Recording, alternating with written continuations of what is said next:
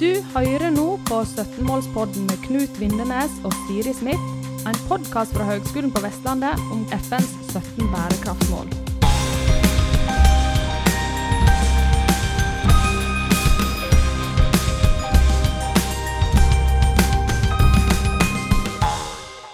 Her er vi tilbake i 17-målspodden og eh, livesending fra sirkulærdagen ved Campus Bergen. Og jeg har fått med meg en spennende gjest her i eh, ja, livestudio.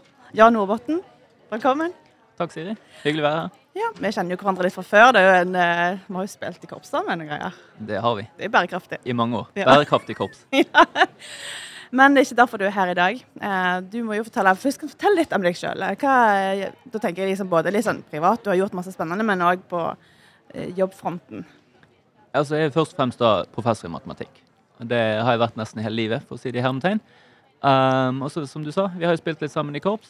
Jeg er også en ivrig seiler. Jeg har seilt eh, mer enn tre ganger eh, rundt jorden i distanse de siste årene. Wow. Um, men ja, først og fremst så er jeg da matematiker. Ja. Har du sett noe spennende når du har vært ute og seilt? Som vil dele med oss sånn veldig kjapt. Ja, litt delfiner, litt hval, litt isfjell. Eh, ingen pirater. Nei, Lite pirater. Nettopp. Det går eh, gøy. Men eh, grunnen til at jeg eh, ville ha deg med i podkasten, er jo eh, mange grunner. Eh, Du er jo forsker eh, på UiB. Og du er, er du òg ansatt på Norse. Det stemmer. Ja. Er det sånn 50-50, eller? Nei, det er bare 10% på Norse. Eh, men jeg tenker at det er også viktig 10 Norse er jo eh, la oss si, en industriforskningsbedrift. Ikke sant? Det er instituttsektoren. Eh, så det gjør at vi blir tvunget til å tenke ikke bare på vår abstrakte litt, lille tårn oppe på, på høyden, men også hvordan bringe forskningen vår ut i ekte problemstillinger. Nettopp. Og vi gjør litt det her i podkasten òg. Vi prøver å formidle litt ut til de som vil høre på, hva som skjer rundt omkring. Og um, så når det kommer til bærekraft, eh, så eh, har du kanskje gjort eh, Det er et ledende spørsmål, da. Så har du jo gjort noe spennende. Du har jo jobba med CO2-lagring. Eh, fortell litt om det. Ja, CO2-lagring er gøy. Det var jo veldig hot på, i begynnelsen av 2000-tallet. Jeg er jo doktorgraden min på CO2-lagring da. Og så tenker jeg det var litt dødt rundt 2010 og utover. Og det var fordi det var mye hype. Vi tenkte at dette skulle løse alle verdens problemer. Og så var det ingen som var villig til å betale for det. Hvorfor ikke? Uh, jo, for da må vi tenke på hva er det egentlig vi snakker om. Vi snakker om å ta utslipp, globale utslipp av CO2, som er en klimagass. Og så tenk, skal vi behandle det ikke bare som noe vi dumper i atmosfæren, men som boss. Ikke sant? Vi trenger avfallshåndtering på dette. Mm. Um, og tanken er å putte det dypt under bakken istedenfor å slippe det ut i atmosfæren. Og fra et klimaperspektiv så er det supert. Mm. Men det koster også penger. Du skal Ja. fange det, du skal transportere det, du skal lagre det. Og spørsmålet er er vi villige til å betale for å redusere utslipp for å begrense oppvarmingen av jorden. Og det var vi kanskje fram ikke i til, 2000? nei, fram til de siste fem årene så var liksom Det var mye snakk, men lite vilje. Mm. Og, og det føler jeg har endret seg litt de siste fem årene. Nå er det mer forståelse at eh, vi kan ikke bare drømme bort dette problemet.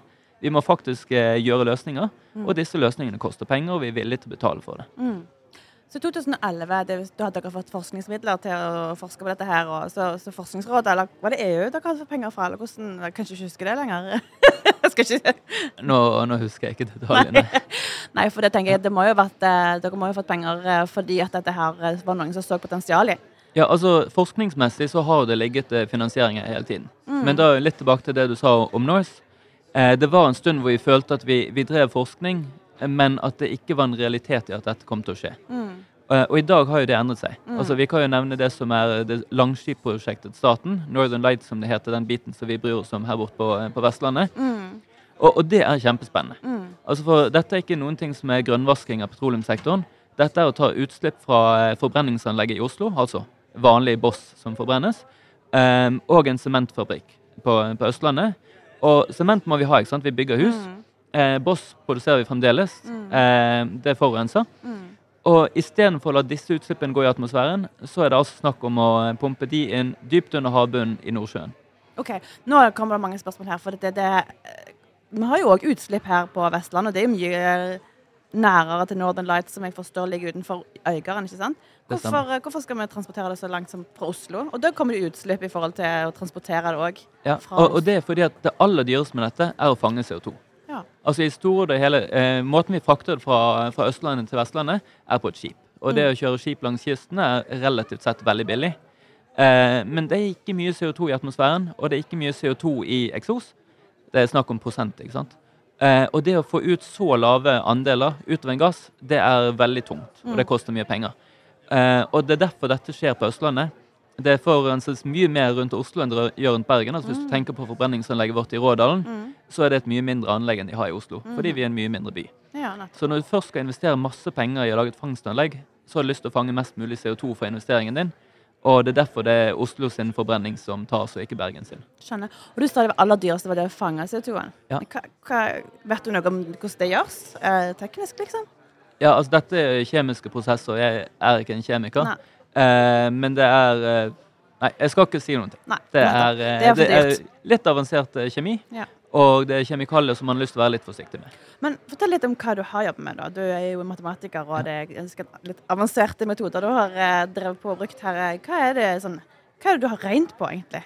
Ja, altså Hvis du tenker på eh, CO2-lagring sant? Eh, Den dyre biten er kjemien, den enkle biten er transporten, og den usikre biten er lagringen. Ja. For det vi skal er at vi skal putte CO2 langt under bakken, Mm. og så skal vi plassere den der på en måte hvor vi kan være trygge på at den blir der i hundrevis av år, minst. Helst tusenvis av år. Mm. Og det vi da ser på, er samme type steinformasjoner hvor vi i dag finner olje og gass, Mm. men helst ikke de hvor det er olje og gass, for det blir vi rik på. Så vi har jo ikke lyst til å eh, forurense oljen vår ved å putte CO2 i den. Mhm. Så vi har lyst på noen ting som ligner på et olje- og gassreservoar, men som bare har vann i seg. Men Og- har vi ikke allerede tømt en del reservoar som kan liksom eh, bruke opp, liksom? Sånn sirk- sir- sirkulær økonomi? det, det er så lett å tenke på, Mm. på olje og gass som at det, det ligger i en stor tank under bakken. Mm. Eh, men det ligger innepakket i stein med kjempesmå hullrom. Mm. Så det vi i dag kaller å tømme et oljereservoar, Mm. er å få ut kanskje 40 av oljen. Mm. Og 60 er igjen. Ja. Og oljeindustrien tenker jo at med ny industri kan de få ut litt mer. Og litt mer olje har kjempestor verdi. Mm. Eh, så derfor så er ikke industrien særlig interessert i at vi putter CO2 der hvor det har vært olje og gass. De vil heller at vi holder det litt på siden. Og det er enorme volumer å ta av. Ja. Altså det, er, det er kjempestore volumer under havbunnen. Så, så tilbake til det, det dere har regnet på. Hva er det det, ligger der, egentlig? Og Helt konkret, så, så tenk deg at du borer en brønn og skal pumpe CO2 langt under bakken. Ja. Vi prøver å svare på enkle spørsmål. Hvor fort kan du pumpe den ned? Hvor mye stiger trykket? Hvor kommer CO2 til å flyte? Går det over grensen til Storbritannia, eller holder det seg på, eh, på norsk sokkel? Mm. Eh, og hva skjer over tid? Mm. Er dette trygt mens vi pumper det inn? Hva skjer etter vi stenger brønnen? Hva skjer de neste 50 årene? Hva skjer i neste generasjon? Hva skjer de neste 100 årene? Ja. Og, og hvordan ser dette ut kanskje om 1000 år? ja. Og, og det som er litt gøy med dette regnestykket, er at stort sett sånn som fysikken fungerer, jo lenger du venter, jo tryggere blir det. Lenger venter vi.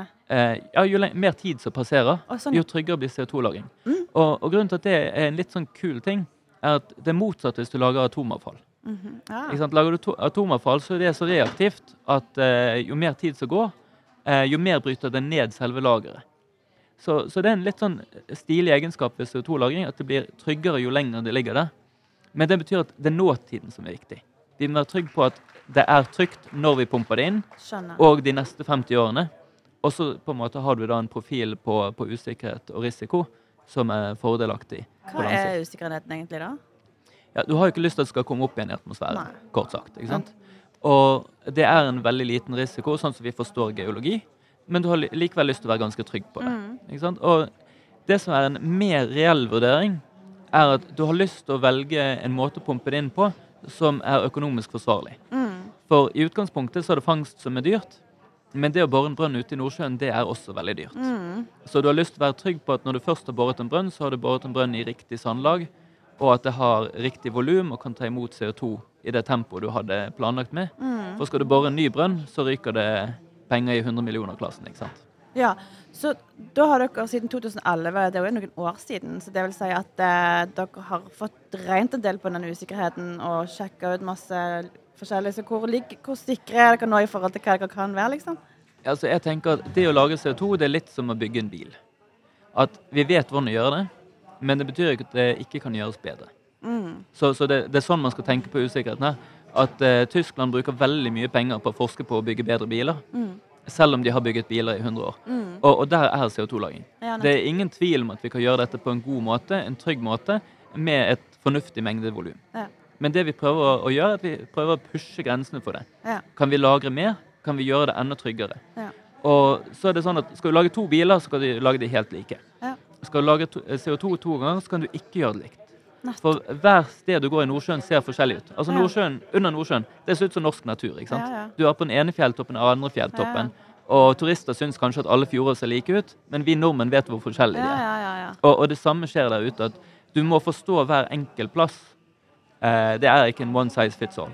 Så det vil si eh, Northern Lights, da, som det er dette prosjektet Det er ikke en pilot, sant? Det, det skjer jo nå? Ja, Det skjer, jo. det er kommersielt, og det, det kommer til å bidra reelt til norske utslipp. Det vil si at den havbunnen der som det prosjektet er satt på, det er perfekt. Så langt vi vet. Det er jo så klart et av de beste stedene som brukes først.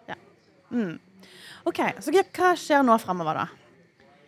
Nei, altså Det som er håpet, og det som på en måte er de nyhetene vi, vi ser, er jo at resten av Europa kaster seg på dette. Så det som bærebjelken i Northern Lights, er at CO2 transporteres til Vestlandet med skip, og så går det i rør fra Øygarden og, og ut. Og den løsningen er veldig fleksibel. Så hvis du har en stor eh, produsent av utslipp i Tyskland, så kan vi jo så klart sende et skip ned der og hente CO2 fra, fra de, og pumpe det inn i samme arbeidsflyt som vi har oppe og går her. Og, og det ser vi er i gang nå. De første kommersielle avtalene om at med andre ord eh, europeere betaler for at vi skal lagre CO2 på deres vegne, og det vil si at vi tjener penger, eh, de begynner å komme på plass. Og det syns jeg er kjempespennende. Ja. Da er ikke dette bare noen ting den norske stat betaler mye penger for gjennom et eh, månelandingsprosjekt. Da er dette faktisk en, eh, en industri som kan eh, bære seg selv. Mm. Og der kan det være arbeidsplasser, og der kan det være muligheter. Ja.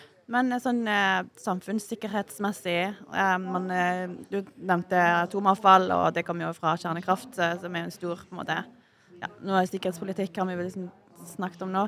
Er det noe der som burde vært snakket om i forhold til dette, eller er Som jeg sa, CO2-lagring har en, en veldig snill sikkerhetsprofil. Altså I verste fall, CO2 er ikke en farlig gass. Eh, det kan være farlig å ha for lite oksygen. Vi trenger oksygen for å puste. Eh, men det er masse CO2 i luften. Vi puster det inn hele tiden. Det er ikke en farlig gass.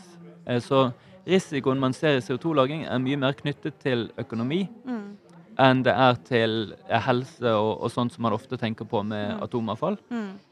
Eh, Det er alltid så klart når man skal gjøre ting under bakken, må man være litt oppmerksom på muligheten for jordskjelv og sånne type ting.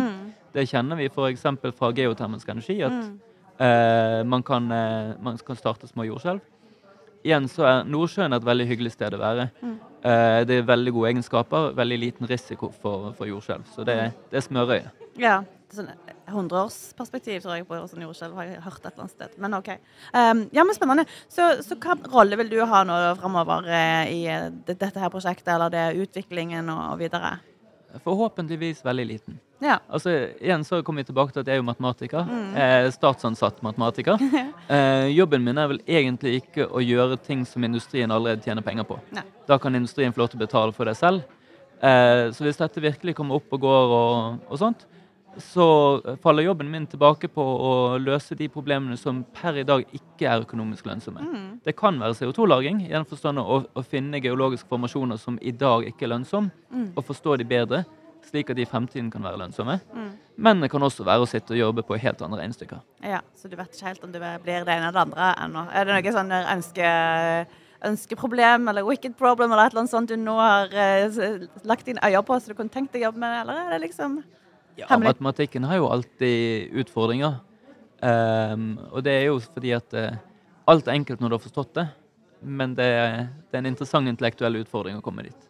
Jeg syns det var et godt uh, avslutningsord. Du, Lykke til med CO2-lagring, forskning og alt som måtte komme din vei. Nå skal du snart i panel på Abels tårn her, eh, her i dag. Ja, takk for det. Og ja, alle lytterne må da høre på Abelstårn. Ja. Kjempegøy, kjempespennende. Ha det. Du har nå hørt en podkast fra Høgskolen på Vestlandet. Du kan høre flere podkaster fra oss ved å gå inn på nettsiden hvl.no. slash podkast.